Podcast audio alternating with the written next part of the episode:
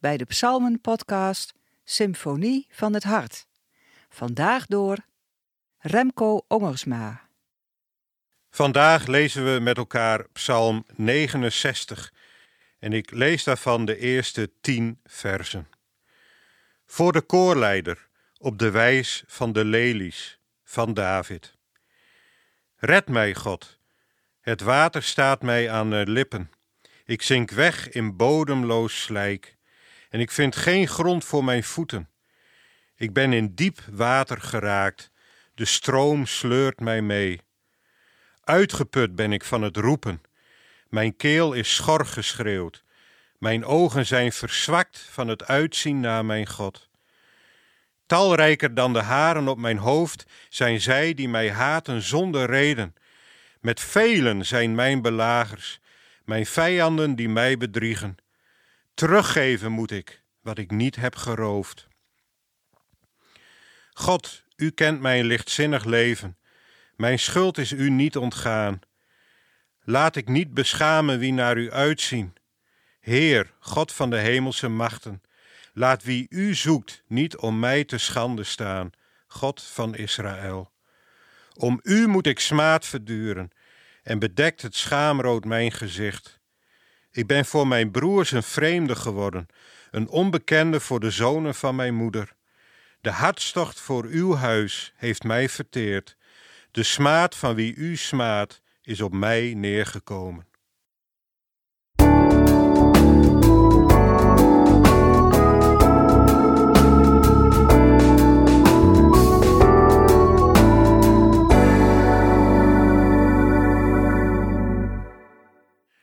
Ik heb eens opgezocht wat er gebeurt wanneer je in drijfzand terechtkomt. En laat ik het zo zeggen, ik zou er geen hobby van maken. Oké, je zinkt er vaak niet zo dramatisch snel in weg als je wel in films ziet, maar je kunt er wel degelijk akelig in vastkomen te zitten. Wat je vooral niet moet doen, is je ene been uit het drijfzand proberen te trekken. Vaak lukt dat wel, maar daarmee duw je je andere been juist verder in de problemen. Dit is nu zo'n situatie waarin je, wanneer je je kracht op een verkeerde manier gebruikt, alleen maar dieper wegzakt. Red mij, God. Het water staat mij aan de lippen. Ik zink weg in bodemloos slijk en vind geen grond voor mijn voeten. De taal die David in deze psalm gebruikt, doet sterk denken aan het overwinningslied dat Mozes zingt in Exodus 15. Hij bezingt daar samen met het volk de ondergang van de slechte farao en zijn leger. Wild kolkend water overspoelde hen. Als een steen zonken ze naar de diepte. Al dus een triomfantelijke Mozes. Dat zijn mooie woorden om te zingen als het gaat over een slechte en onderdrukkende vijand. Maar wat nu als je je als gelovige zelf steeds verder ziet wegzinken en het water je aan de lippen staat? Wat nu als je in je eigen leven aan het vechten bent voor gerechtigheid, voor erkenning, voor het zuiveren van je naam tegenover kwaadwillenden? David merkt dat het verkeerd gebruiken van zijn energie en kracht een contraproductieve reactie geeft. U kent mijn smaad, mijn schande, mijn schaamte. Al mijn belagers staan voor u. Smaad heeft mijn hart gebroken. Ik ben radeloos. Ik hoopte op mededogen, vergeefs op troost, die ik niet vond.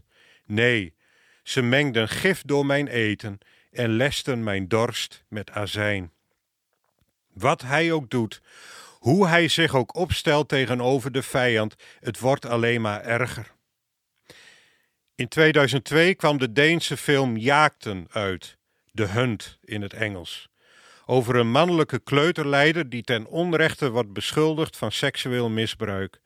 Een trieste film die maar al te duidelijk maakt dat het de grote massa niet echt uitmaakt of iemand schuldig is of niet. Zodra het er de schijn van heeft, heb je al levenslang en zink je steeds dieper weg in oordeel en beschuldiging. Zo extreem als in die film maken wij het misschien niet snel mee. Maar sinds 2002 is die trend van oordeel, mede door de opkomst van de vele socials, alleen maar doorgezet. Er is een term voor mensen die op veel berichten op Facebook of nieuwsites reageren met ongenuanceerde veroordeling en harde woorden. Het zijn de zogenaamde keyboard warriors. Mensen die niet zozeer grondig onderzoek doen naar de waarheid, maar vooral hun eigen digitale gal willen spuwen. Vaak zonder te beseffen hoeveel schade het aan kan richten aan de geadresseerde. Anneke en ik wonen een paar jaar geleden in een woongroep. Als christelijke kernbewoners was dit een prachtige plek om je geloof praktisch vorm te geven. Simpelweg door maaltijden te delen met jongeren die in hetzelfde pand wonen en je deur open te houden voor hen.